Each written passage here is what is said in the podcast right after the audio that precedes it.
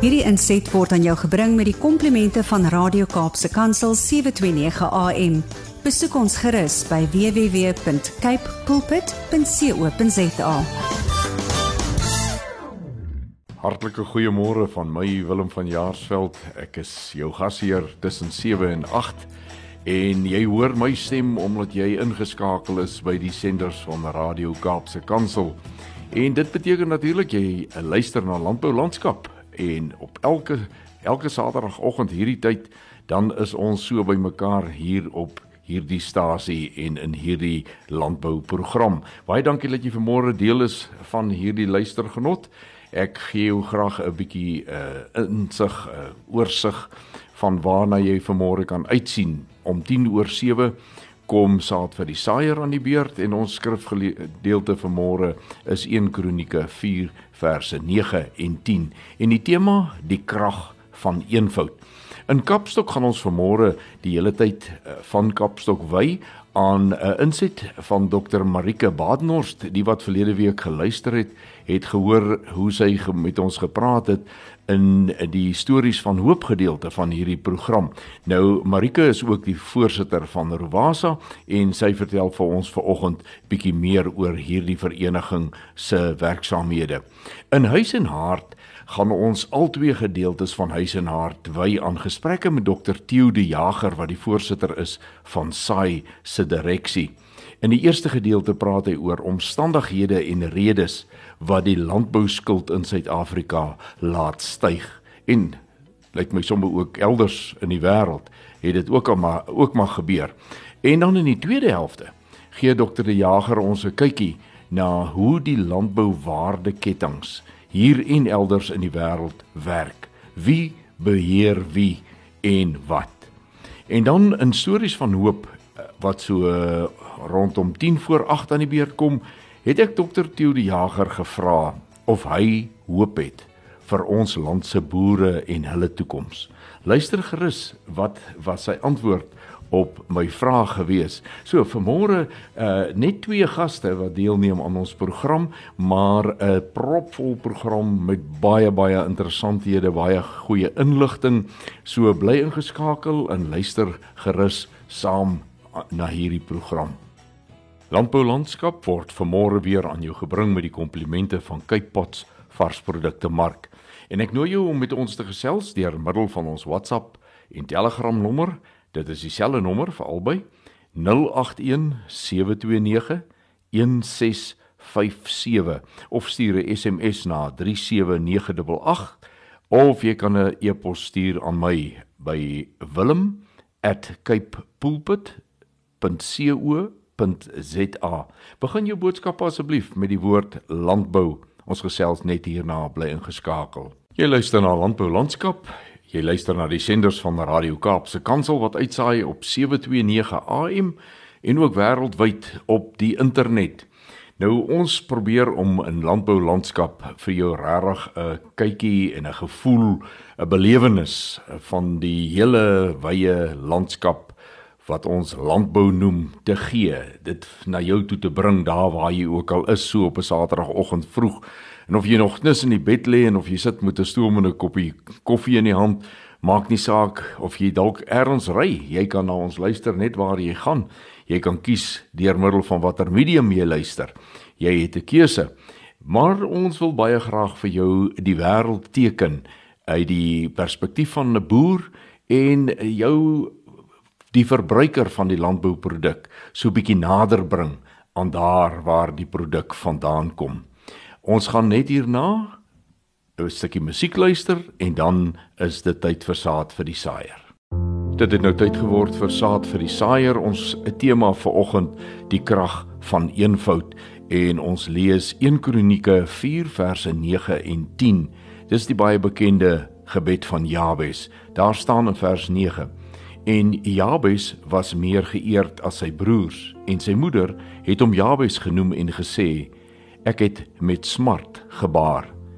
En Jabes het die God van Israel aangeroep en gesê: As U my ryklik seën en my grondgebied vermeerder, en U hand met my sal wees en U die onheil afweer, sodat my geen smart tref nie, en God het laat kom wat hy begeer het. Dit is vir my altyd baie baie interessant as mens kyk Jabes was nie 'n groot man wat daar's groot daar's nie groot verhale oor hom opgeskryf in die Bybel nie maar hierdie eenvoudige gebed van Jabes dit is opgeskryf.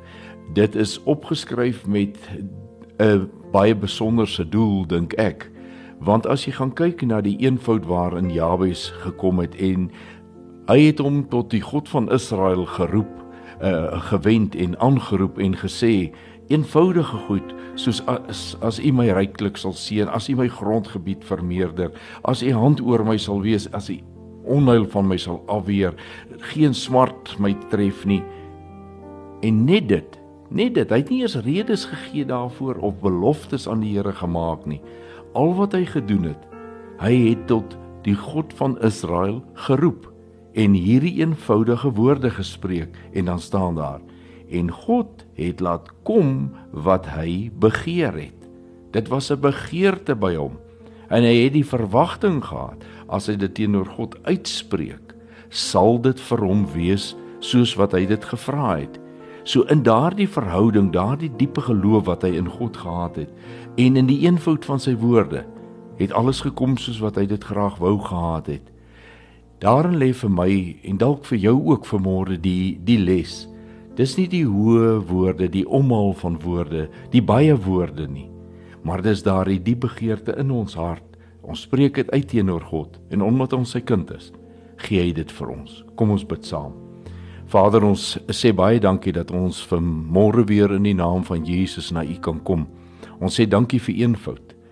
Ook in U seun se lewe het ons gesien Dit was 'n man wat nie baie woorde en hoogere woorde gebruik het nie, maar in eenvoud was daar krag, want die krag kom van U.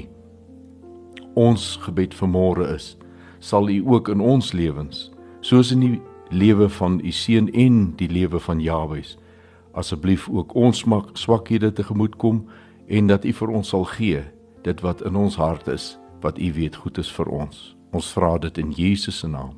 Amen. In landbou landskap van verlede week het ons met Dr Paul van der Merwe, die voorsitter van SAFA, die Suid-Afrikaanse Veterinêre Assosiasie, gepraat.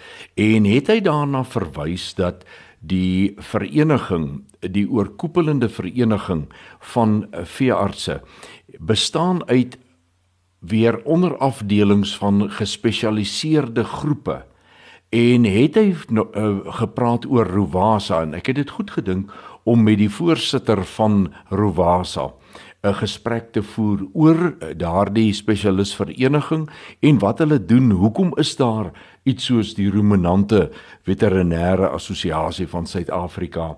En in die volgende uh, gedeelte van ons program in Kapstok wy ons die tyd daaraan om met dokter Marike Badenhorst dan oor Rovasa te gesels. Dis net hierna. Jy luister na Landbou Landskap en ver oggend in Kapstok is dit 'n bietjie 'n uh, ander nuusgebeure inset wat ons het. Ek gesels vanmôre met die voorsitter van Rovasa, Dr Marike Badenhorst. Goeiemôre Marike.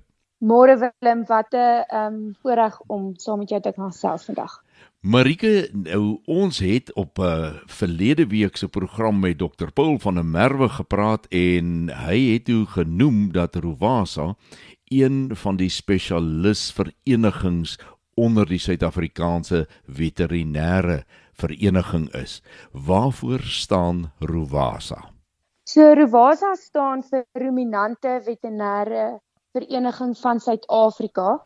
Ehm um, ons gebruik die afkorting van die Engelse weergawe hmm. en uh ons is 'n nuwe winsgewende organisasie wat waar die veeartse ehm um, spesifiek belangstel in dan in vee. Vee bedoelende dan al jou herkouers want dis waar die ruminant dan nou vandaan kom nê nee, met ander woorde skaap bees bok uh daai daai tipe vee. Dis korrek en dan al die verskillende dissiplines onder elk byvoorbeeld vee ehm um, bees te gaan dit vleisbees en ehm um, melkerye en voerkrale wees skaap dieselfde en die lede is van baie verskillende dominasies. Uh ons is meestal privaat praktisyns, maar nie uitsluitlik nie. Daar is ook uh staatsveeartse as ook spesialiste in die verskillende gebiede en dan ook die akademici. Waarom is daar 'n behoefte of dat daar so 'n spesialisgroep moet wees? Die spesifieke spesialisgroep het in 19 in die 1960 sou ontstaan gehad. Um en die naam was die Landelike Praktisynsgroep van die Suid-Afrikaanse Veterinêre Vereniging. En die behoeftes was spesifiek tot landelike praktisyns. Ehm um, maar die groep het met die jare gegroei en die ontstaan het meer gefokus op spesifiek die ruminante afdeling van veeartseny. Ehm um, omdat ons ons eie tipe uh uitdagings het wat ons kollegas wat met die wat in die troeteldier afdeling en en byvoorbeeld die perde afdelings hmm. uh bietjie verskil van. Nou wat interessant is van Rovasa, julle het ook 'n baie unieke siekte rapporterings ehm uh, wil amper sê projek wat deurlopend loop. Elke maand die deelnemende uh, veeartse reg oor die land rapporteer watter tipe siektes hulle daardie afgelope maand in hulle omgewings raak geloop het. Ehm uh, vertel ons bietjie meer daarvan.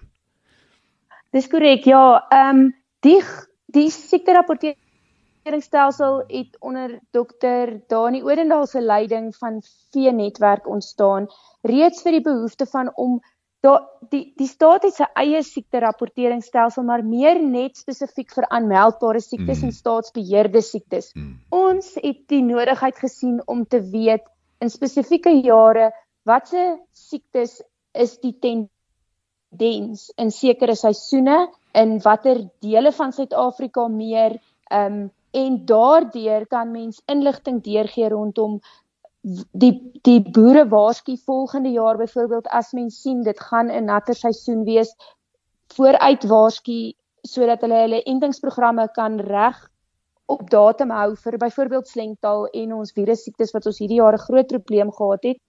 En dan is ook die idee daarvan om um om enstofsekerheid te kan voorsien sodat ons die medisyne maatskappye kan inlig ons sien die tendens en hou asseblief genoeg voorraad van sekere tipe enstowwe.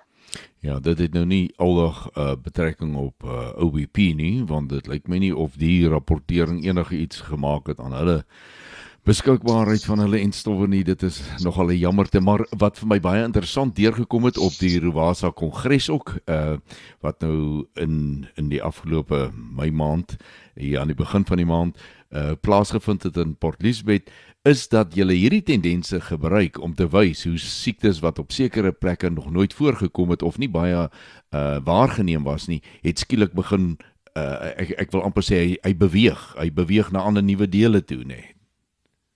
Ja, dit was baie interessant en dit was nogals ehm um, is skrikwekkend interessant om te sien waar sekere siektes wat ons byvoorbeeld uh, rooi water hmm. in dele van die land nooit sien nie, ehm um, raak 'n tendens in sekere areas waar dit nooit voor voorgekom het nie.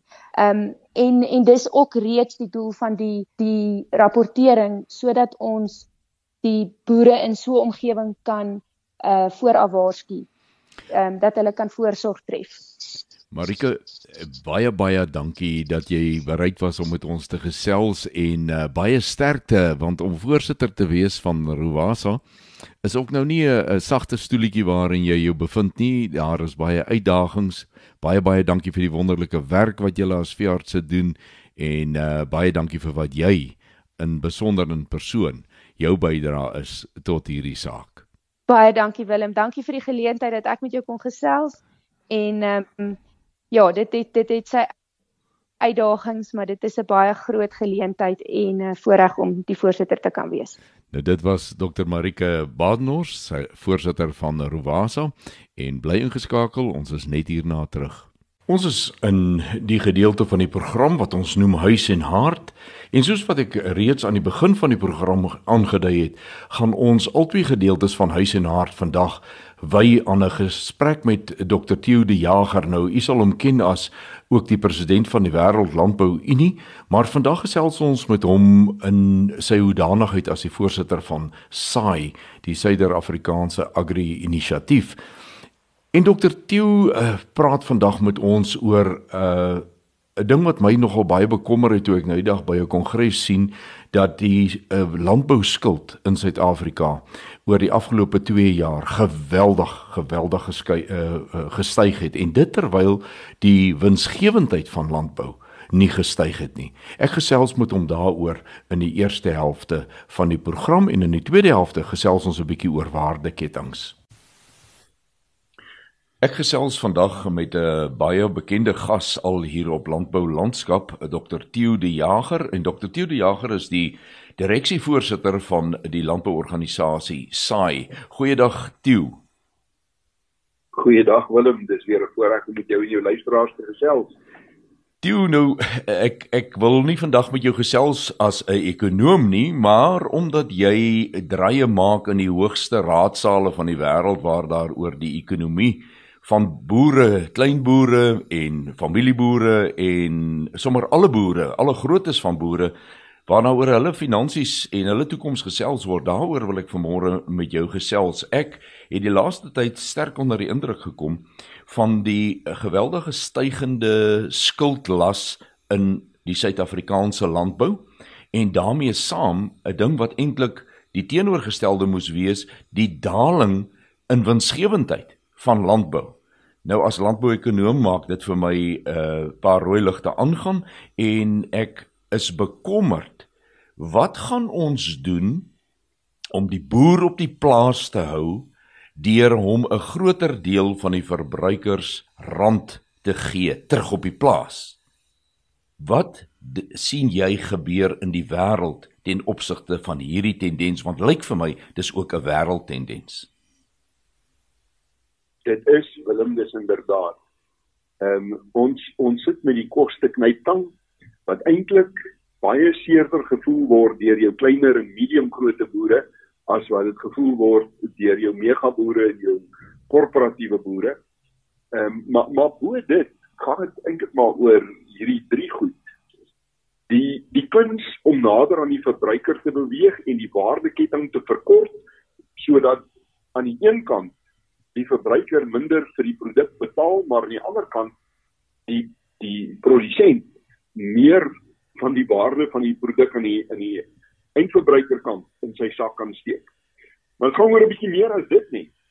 Dit gaan ook oor die unieke tyd waarin ons lewe wat boere gedwing het om enorme voetwerk te doen wat natuurlik geld kos. Ons kom deur meer as 2 jaar van COVID En toe ons uit COVID uitkom, ons is nog nie behoorlik uitgewees nie te tref een van die grootste oorloë in ons geslag ons. Hmm. Nou natuurlik met COVID kon boere aangaan met hulle besighede. Hulle is nie in dieselfde situasie geplaas as die toerismebedryf of die gasvryheidsbedryf, die die die restaurante en uh, of baie mense in die dienste sektor wat hulle besighede moes toemaak nie. Boere kon aangaan. Maar dit was beslis nie besigheid soos normaalweg nie. Ja. Want want die die markte is totaal en al ontwrig.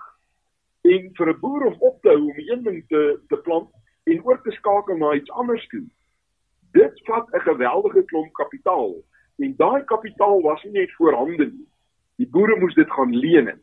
Vat byvoorbeeld ons gemiddelde aardappelboer in Suid-Afrika.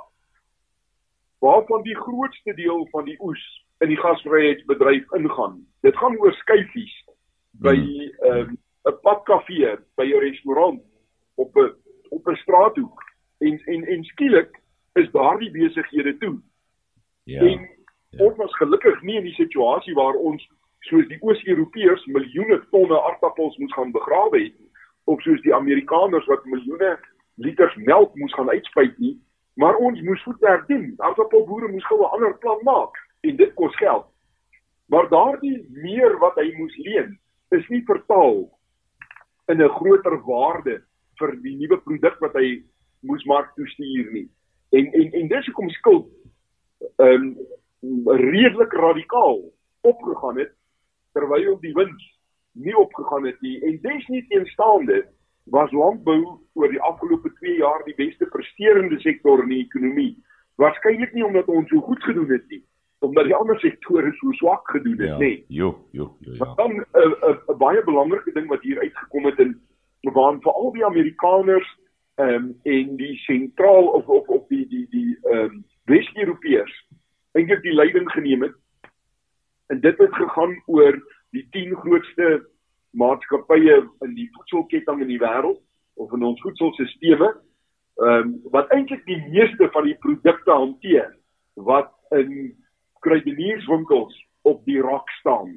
Want kyk baie min produk gaan van die plaashek af direk na die verbruiker se bord toe. Daar's allerlei verwerkingsprosesse of dit nou selfs net verpakking is of bottelering is. Ehm um, en of dit nou omskep word in 'n totaal ander produk, 'n uh, varkvleis wat weens se worsies word. Ehm um, of of of boontjies wat mar margarine word.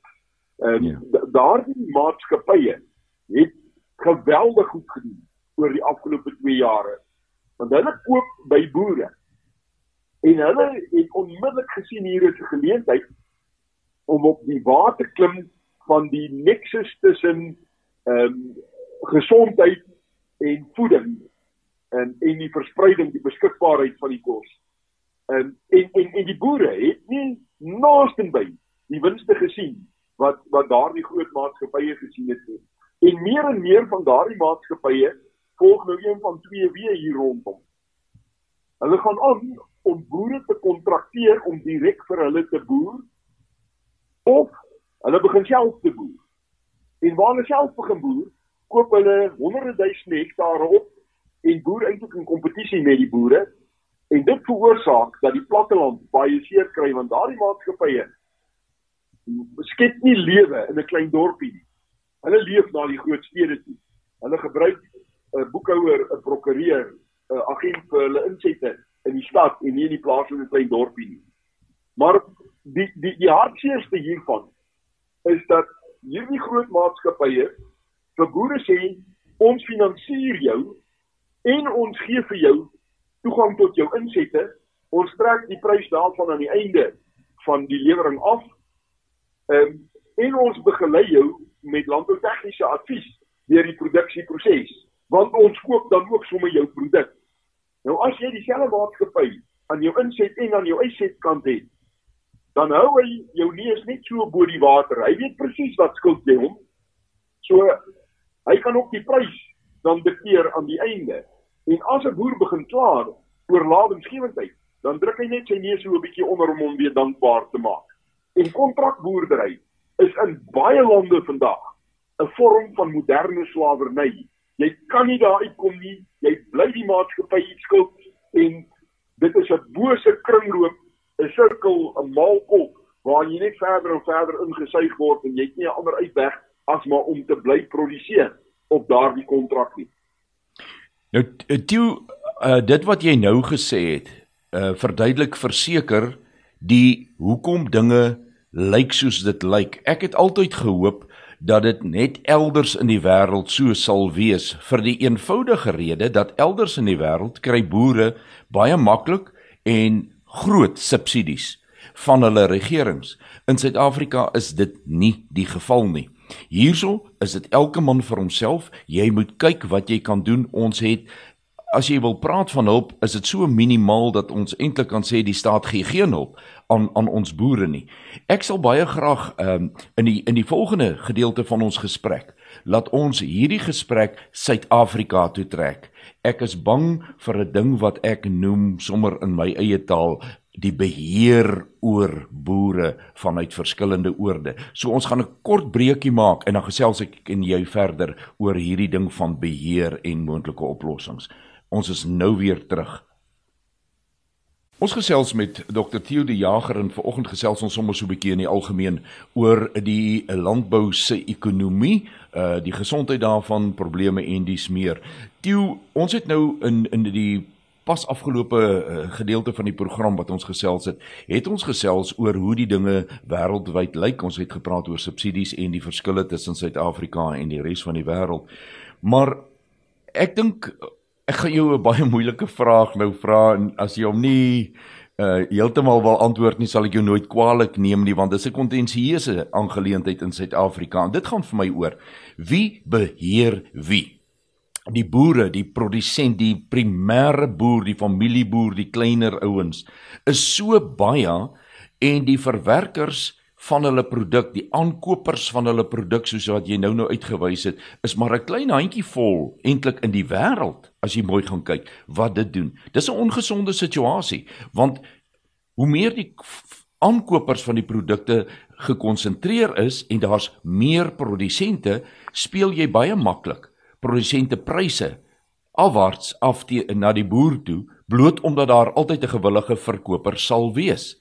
En wat sien jy in terme van hierdie prentjie in Suid-Afrika en waar dink jy lê ons oplossing? Ja, Willem, ek ek gaan nou nie wegskram van van hierdie vraag nie en ek gaan ook nie probeer om 'n maklike antwoord op 'n moeilike vraag te gee nie. Dit is so dat die wêreld se voedselstelsel grootliks gekonsentreer is in die hande van ongeveer 10 megamaatskappye. En dat daardie maatskappye eintlik in die windsentrum staan en boere vir baie baie jare al prysnemers is en ja. nie prysmakers is. Ja en nie in 'n posisie is om die spasie te betree waar die groot winste in die voedselstelsel gemaak word nie. Maar ek gaan tog jou jou jou, jou hoek 'n bietjie probeer pyp kan bloot net om afstand tussen ons eie emosie daaroor en die saak te gee. Deur te sê as ons dan nie as ons hom dan moet verplaaslik, kom kom ons kyk na wat op die oomblik gebeur in Zimbabwe. In Zimbabwe het hulle niks Baie mense het nie geld. Hulle het nie toegang tot finansiering nie, hulle het nie toegang tot insette nie. Mm. mm. Hulle hulle het nie eens meer 'n geldeenheid nie. En maar tog het hulle dit reg gekry om deur al die trauma van die grondgryp van die afgelope 22 jaar hulle produksie op sekere kommoditeite soos katoen en tabak weer terug te kry op die vlakke waar dit was in 2000. En onthou, um, Zimbabwe was 'n leier op die produksie van beide katoen en tabak. Absoluut, ja. Ehm um, nou, nou nou kry hulle dit reg?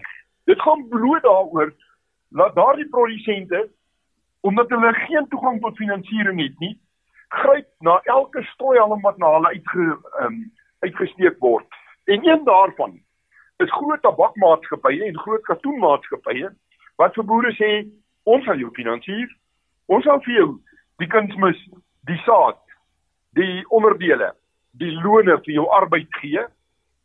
Want ons koop dan nou weer jou jou jou jou, jou produk terug.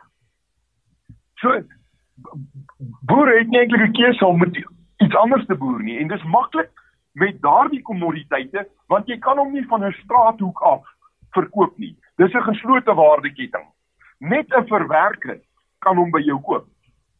En en so het ons toe ontdek al hier in 2015 dat die kleinskaalprodusente in Zimbabwe kry maar 15% van die wêreldgemiddeld van die prys van katoen terug op hulle plase. So so hulle word absoluut uitgebuit in die situasie waarin hulle is. Nou ja. kom ek sê vir jou terug na Suid-Afrika toe. Is dit nie soveel anders as wat gebeur in byvoorbeeld die suiwelbedryf nie? Hoeveel van die suiwel wat geproduseer word, hoeveel melk wat van 'n melkery afkom, land direk in die yskas van 'n verbruiker. Hmm, ja, dit. Die grootste deel word verwerk in jogurts en kase, in room en al die tipe van goed, want hulle lewer dit aan groot internasionale maatskappye. Nestlé, Danone, Unilever. En het jy opgemerk, dit is dieselfde maatskappye wat voor staan in die koor wat sing teen diere gebaseerde proteïene. Hoekom sal hulle teen hulle eie produk werk?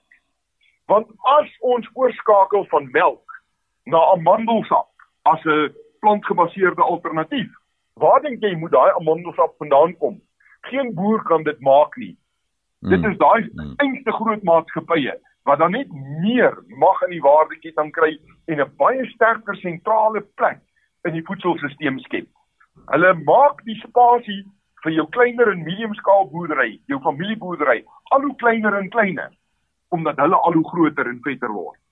Nou die uh, uh, dit dit's eintlik 'n uh, 'n riller wat jy hier met ons deel. Ehm uh, as as ek nie geweet het dis waar nie, sou ek nou gesê het, "Jo, jo, dis 'n donker prentjie ja, nee, ek dink nie ons ons moet daar gaan nie." Die feit is, ons is klaar daar. Daar's baie van ons bedrywe. Ek wil amper sê dis die uitsondering wat nie reeds daar is nie. Wat is die teenvoeter? Wat kan boere doen? Ehm um, ek dink skielik aan sou koöperasies weer 'n 'n moontlikheid wees om te ondersoek waar boere hulle eie produkte in 'n koöperasie inlewer om daar verwerk en dan aan die verbruiker lewer. Hoe dink jy oor hierdie goed? Deur 'n koöperasie word die boere self die middelman. Trek hulle self die voordeel van die waarde toevoeging uit hulle produk uit. Dis hoe koöperasies ontstaan het en dit is die karakter van 'n klassieke landboukoöperasie. 'n Klomp boere wat hulle hulle hulle produkte verpoel ook sommer hulle krag om aan te koop in die stroomopwaardeketting verpoel en dan 'n belang neem in in in die waarde toevoeging van hulle produkte. Kyk, Suid-Afrikaners was die meesters van die koöperasie. Teen die uitbreek van die Eerste Wêreldoorlog het ons 222 van hierdie koöperasies oral oor Suid-Afrika gehad. Party was gelokaliseer in spesifieke dorpsin en 12 van daardie koöperasies bestaan vandag nog en party van hulle was in 'n spesifieke bedryf soos die Karakool koöperasie en en dis meer. Ehm um, maar, maar ons het algaande ons greep op hierdie koöperasies verloor en vandag is hulle genoteerde maatskappye en 'n paar van hulle behoort aan aan aan buitelandse beleggers jo. en en in die proses het het ons nou nie meer die vaardigheid in ons vingerpunte en selfs die geesdruk om terug te kom na hierdie ehm um, gesamentlike verpakking van ons koopkrag en ons verkoopkrag en ons betrokkenheid stroom af van die waardeketting nie. Nou toe die feit dat ons dit nie meer oor het nie. Is dit maklik genoeg om dit terug te kry sodat daar vir ons nog tyd is om as kom ons sê as ek 'n familieboer is, julle by saai is absoluut gefokus op familieboer. Het familieboere nog tyd oor om sulke oplossings te oorweeg? Willem ek glo dit moet elke sel in my liggaam. Anders sou ek nie so betrokke gewees het by by saai nie. Ek dink dit is nog betyds. Ek dink 'n mens kan nog terugskram. Hulle is nog nie oor die doellyn nie en hulle het nog nie die wedstryd gewen nie. Maar hulle gaan hom wen. As ons nie 'n uh, behoorlike wedstrydplan het nie en as ons nie kan saam staan en onder een kombers kan speel nie. En vandag word die meeste kos in die wêreld en veral dan ook in Suid-Afrika en Suidelike Afrika nog deur familieboere geproduseer. En en en die sleutel tot die terugdruk en ons sukses daarmee hang absoluut af van ons vermoë om saam te staan, om goed georganiseer te wees, om elkeen sy stukkie stuwing in hierdie skram in te sit sodat ons genoeg krag het om die groot maatskappye terug te druk. Jou ek gaan uh, laat ons weer 'n uh, vinnige breek vat want daar's nog een aspek wat ek graag met jou wil gesels en dit gaan wees ek sal graag by jou wil hoor die uh, landboumeesterplan wat ons sopas gesien het uh, geteken is. Uh, ons gaan so 6 minute daaraan spandeer oor hoe sien jy dat die plan presies sal bereik dit wat ons nou oor gepraat het. Bly ingeskakel ons is net hierna terug Ek gesels met eh, Dr. Theo de Jager en en Theo ons het nou die dinge lang draai gevat. Waar waar kom dit probleme vandaan met skuld en dis meer waar staan ons vandag? Ons het sopas 'n uh, landboumeesterplan onderteken waarvan 'n groot deel van daardie plan gaan oor die integrering van landbouproduksie met die langer waardeketting vertikaal tot by die uh, verbruiker. Hoe sien jy dat hierdie plan al dan nie gaan help om presies te bereik wat ons sopas gesê het die pad vorentoe behoort te wees vir ons familieboere.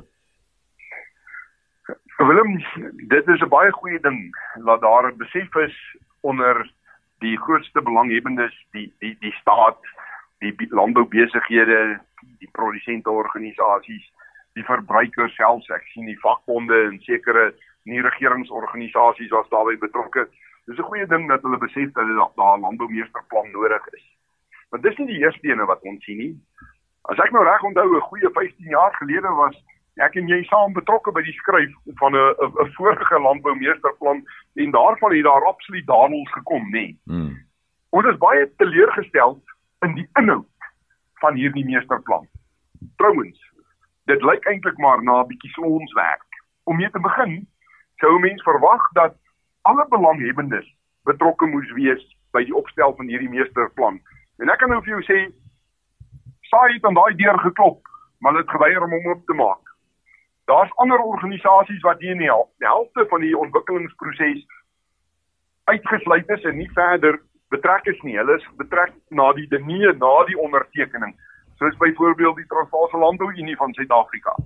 Ehm um, en en dan dan natuurlik 'n hele klompie bedryfsorganisasies, plaaslike distriks en en provinsiale strukture wat uitgesluit is, koöperasies en dies meer. Maar daar's 'n groter probleem met hierdie meesterplan En dit gaan daaroor dat alles in hierdie plan is onderhewig aan die transformasie agenda. Daar's amper nie 'n paragraaf in hierdie plan waarin hulle dit nie op die voorgrond plaas nie.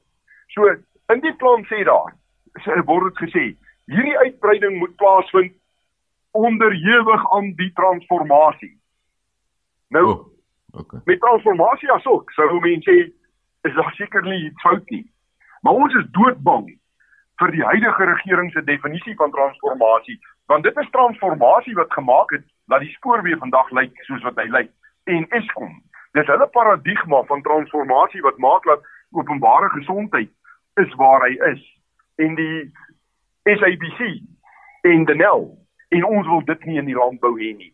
Ons dink nie hierdie meesterplan het genoeg in om seker te maak dat transformasie nie beteken dat landbou dieselfde pad gaan stap nie. Met ander woorde, ekskuus, Theo, uh, ek hoor iets uh, raak wat wat my nie lekker aanstaan nie en dit is met ander woorde behalwe dat ons probeer die oplossing kry vir die probleem wat ek ons sopas oor gepraat het dat 'n paar kopers koop die boer se goed, hulle bepaal die pryse raak daar nou nog 'n uh, 'n slawe drywer gekoppel en sy naam is transformasie. So ek kan nie 'n oplossing vir my eie probleem kry as ek nie daarmee saam ook 'n probleem oplossing vir jou of wie daai jou dan ook al is se probleme ook aanbied nie. Is dit min of meer? Dis absoluut dit. En dit bring ook dan die derde beswaar teen hierdie meesterplan ehm um, na die oppervlakte en, en dit gaan daaroor dat die die sogenaamde public private partnerships die ehm um, hoofagente vir implementering van hierdie meesterplan word geïdentifiseer as die waardeketting vennote. Ons praat hier van die landboubesighede, van die voedselbesighede, juis van daardie groep wat ons sê in ons reaksie geken word as die gesiglose, siellose, hartelose ehm um, slawedrywers wat hoofsaaklik geskoei is op kunsmatige intelligensie wat agter 'n direksie of 'n kredietkomitee ehm um, skuil en en en wie se enigste motief is die maksimale wins aan hulle aandeelhouers. Daar is nie die hartlikheid van 'n mens, 'n gesin wat wat op 'n stuk grond 'n lewe moet maak nie. Maak nie saak of hy swart of wit is nie. Maak nie saak of hy uit of jonk 'n man of 'n vrou of hy ryk of arm is nie. De, on, on, ons mis daardie deel. En ek wil nou vir jou in soveel woorde sê, as 'n meesterplan vir landbou nie boergesentreerd is nie, is hy in elk geval gedoen. Dan stuur hy ons na 'n wêreld waar groot maatskappye die hele voedselstelsel dikteer. Sjoe. Nou, toe. Het jy nog hoop? O ja, O ja. Hmm. Dis hoekom ons uh, uitnodiging uitgestuur het om te sê almal wat dieselfde frustrasie het as wat ons het hiermee. Kom ons kom by mekaar. Die Transvaalse Landbouunie het al klaar in 'n vennootskap gegaan met saai hieroor. Ons het al vanmôre gepraat oor die hoe en wat en waar van 'n alternatiewe meesterplan. Kom ons sit 'n meesterplan uit die bedryf uit op die tafel en dan stoei ons van een plan met 'n ander plan en kyk of ons nie daaruit 'n meer gebalanseerde meesterplan vir landbou op die tafel kan sit. Nou Tieu, ek dink daar is 'n uh, ruimte gelaat daarvoor want as ek die minister uh, se aankondiging reg verstaan het, het sy gesê hierdie is 'n uh, dokument wat nie finaal is nie, maar wat aanhoudend verander en verbeter sal word. Dit gee my ook hoop. Uh met ander woorde, die boodskap wat ons vanmôre sou hê vir uh boere sal wees werk saam, dink saam en beplan saam vir jou eie toekoms en daar sekere organisasies wat dit dan vir ons kan doen. Tieu baie baie dankie dat jy bereid was om soveel tyd weer aan landbou landskap af te staan. Ek waardeer dit regtig baie. Baie welkom. Dit is altyd 'n groot voorreg om jou, jou en jou luisteraars te gesels. Dit was Dr. Tieu de Jager, direksievoorsitter van SAI. Ons het vandag 'n lekker vol program gehad. Weliswaar nie baie gaste nie, maar 'n vol program en uh ons het aan die einde gekom van ons uurtjie tussen 7 en 8 wat ons saam kuier elke Saterdag op die senders van Radio Kaapse Kansel in ons program Landbou Landskap. Dis vir my 'n voorreg, dis vir my 'n lekkerte om jou gas hier te wees so op 'n Saterdagoggend. Baie dankie dat jy inskakel. En ons sê ook baie baie dankie aan Cape Pots varsprodukte mark wat landbou landskap vir ons moontlik maak. Onthou om met ons te gesels uh, op WhatsApp en Telegram op 0817291657 per SMS 37988 of op die e-posadres wilm by of @capepulpit.co www.rsg.za. Tot ons weer saam kuier volgende Saterdag om 7 groet ek Willem van Jaarsveld en mag jy elke oomblik Vader se guns op jou lewenspad beleef wederom.